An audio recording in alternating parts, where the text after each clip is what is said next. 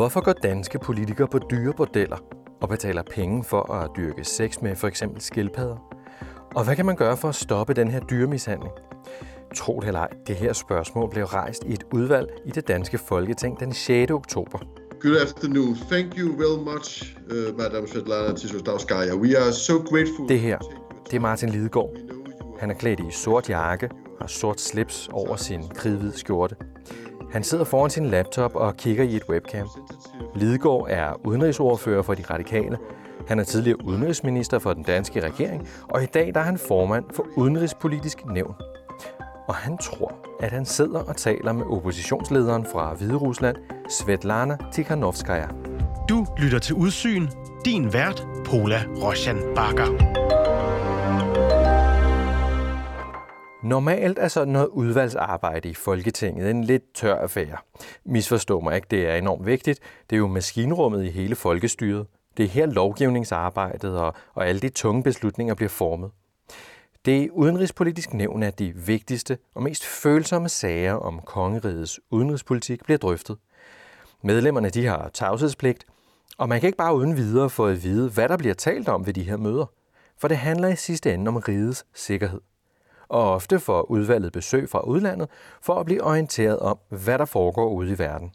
Dear members of the Foreign Policy Committee, good afternoon.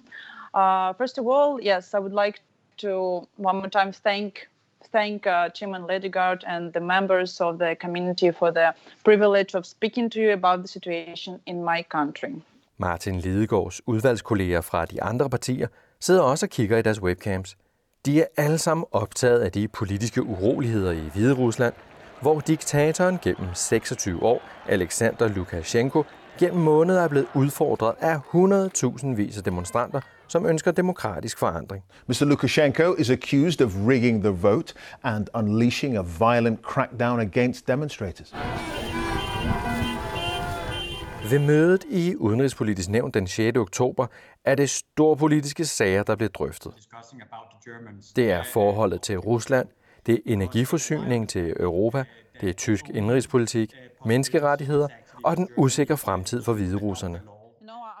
Oppositionslederen Svetlana Tikhanovskaya er en af Europas mest omtalte politikere for tiden. Så de danske politikere ved mødet, de spidser ører. Men så kommer der pludselig et spørgsmål fra den udenlandske gæst, der får dem til at sætte sig lidt frem i sædet. As you know, I'm an active animal rights activist. Uh, I learned I learned that uh, in your beautiful country there is a noble uh, network of uh, brothels for zoophiles, where people come, including uh, deputies, and rape turtles there. So precisely turtles. So I want to officially ask you to stop this. Da ordene voldtægt af skildpadder bliver fremsat, løfter Martin Lidegaard øjenbrynene så højt, at hele hans pande bliver dækket af rynker. Fra øjenbryn til hårgrænse. Og man kan vist roligt sige, uden at fornærme ham, at der er godt med plads på Lidegaards pande. Men det bliver værre. For ifølge den påståede hviderussiske politiker, så ligger hun inde med oplysninger om, at de danske medlemmer af selv samme udenrigspolitisk nævn faktisk skulle være faste kunder ved de her dyresexbordeller.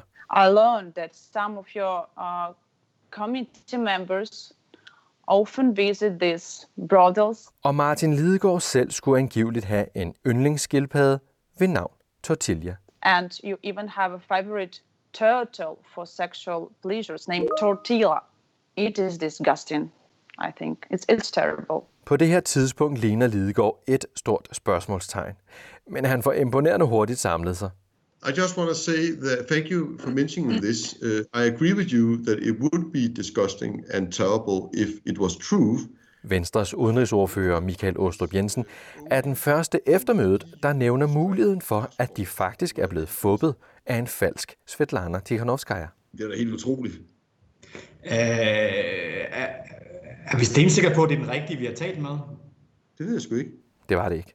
Danmarks vigtigste udenrigspolitiske udvalg i Folketinget blev narret af to russiske komikere med kunstnernavnene Vovan og Lexus.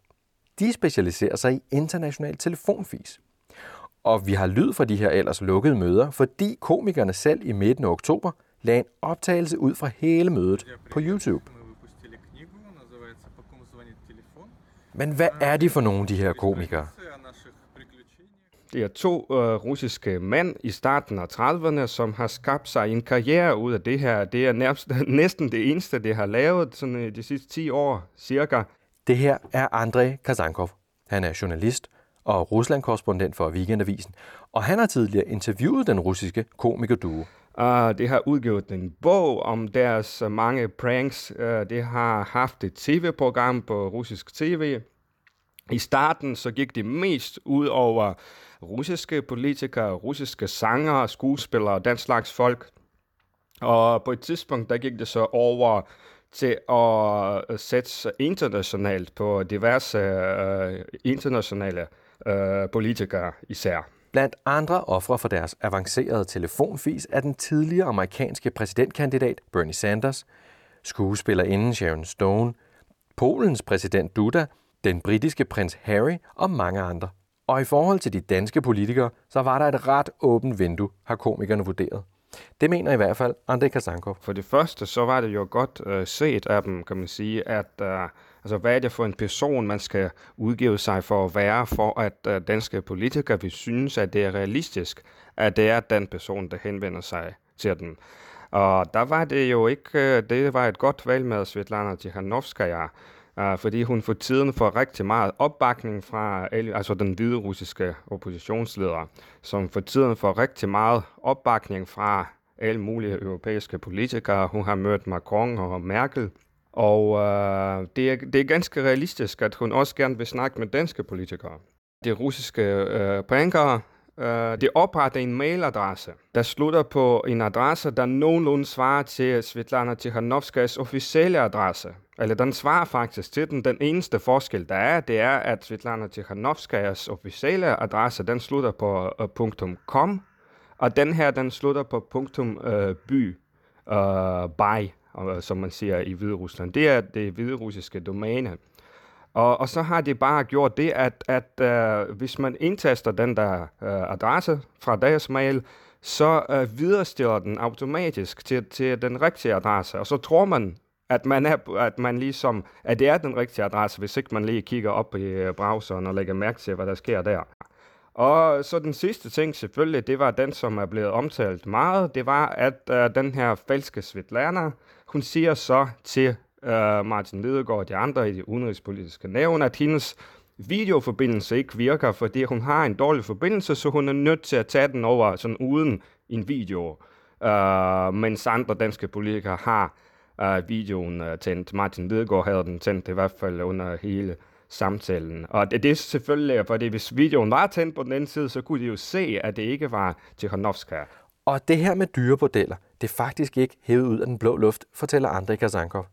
Ikke fordi påstanden har noget på sig naturligvis, men det er en historie, som florerede i russiske medier for nogle år siden, i forbindelse med, at et flertal i Folketinget gjorde det ulovligt at have sex med dyr i 2015. Det var også en stor uh, historie der sådan for cirka fem år siden, om uh, netop om uh, dyrebordeller, at man bare kunne gå ind på en bordel, og så kunne man uh, vælge, hvad for et dyr man gerne vil have sex med. Um, og dengang, der øh, mener jeg, at man øh, sådan prøvede at finde ud af, hvem er kilden til det her. Og så fandt man ud af, at det muligvis er et fransk satireprogram, som så blev taget alvorligt i Rusland, og enten med øh, vilje, altså hvor man vidste, at det var en joke, og så øh, alligevel sammen, så har man lavet en, en sådan alvorlig historie ud af det. Eller måske så gjorde man det ved en fejl simpelthen. Men i hvert fald så florerer der nogle rygter om, om danskerne og, og dyreseks i Rusland. Det er rigtigt nok. Men underliggende i den her ellers underholdende og kuriøse historie, så er der også en lidt lavmældt, men alvorlig tone. I vores del af verden er vi efterhånden blevet ret meget på vagt over for russisk misinformation. Og vi er meget bevidste om præsident Putins evne til at få vestlige politikere til at se sådan lidt smådumme og forpjusket ud. Og på den måde så miskrediterer man bedst sine fjender, særligt over for sin egen befolkning. Og til gruppen af Putin-kritikere, der hører også de fleste danske politikere. Så spørgsmålet er, om uskyldig telefonfis i virkeligheden også kan være et politisk værktøj. Selvfølgelig er der nogen, der mener, at i virkeligheden så arbejder de for den russiske stat og øh, måske for nogle af de russiske efterretningstjenester. Og det kan man jo godt argumentere for, i og med, at mange af deres ofre er sådan nogen, som man måske vil kalde for Kreml-kritiske, for Putin-kritiske. Uh, det kan man ikke udelukke. Det kan man ikke udelukke. Jeg har selvfølgelig spurgt en arbejder for den russiske stat, og det benægter det.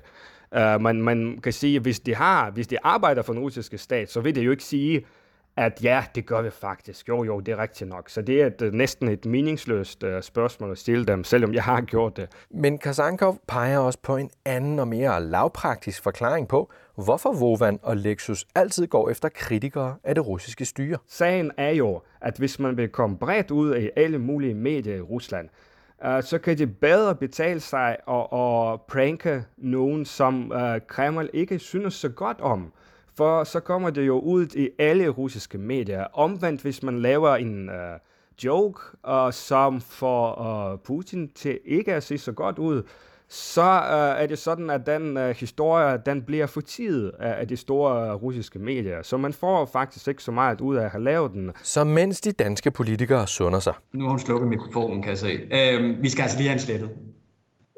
Så kan vi andre prøve at finde en passende grimasse til den her lidt pussy affære. For selvfølgelig er det her underhold, det er det virkelig. Men er det ikke også lidt foruroligende, at det er så nemt? Udvalgets medlemmer har siden forsikret om, at de på møde med den her falske politiker altså ikke har røbet nogen statshemmeligheder. Og i Folketinget, der har man strammet op på proceduren om, hvordan man for fremtiden kan sikre sig, at gæstetalere i Folketinget rent faktisk er dem, de hævder at være. Blandt andet skal det fremover ikke være muligt at kunne blive stillet igennem, hvis man ikke kan få billedet på sig selv. Den falske hvidrusser bildte nemlig danskerne ind, at hun bare havde lidt bøvl med sin PC, og derfor ikke kunne få video på sin forbindelse. Den løgn gav altså et billigt grin i Rusland og røde ører i Danmark.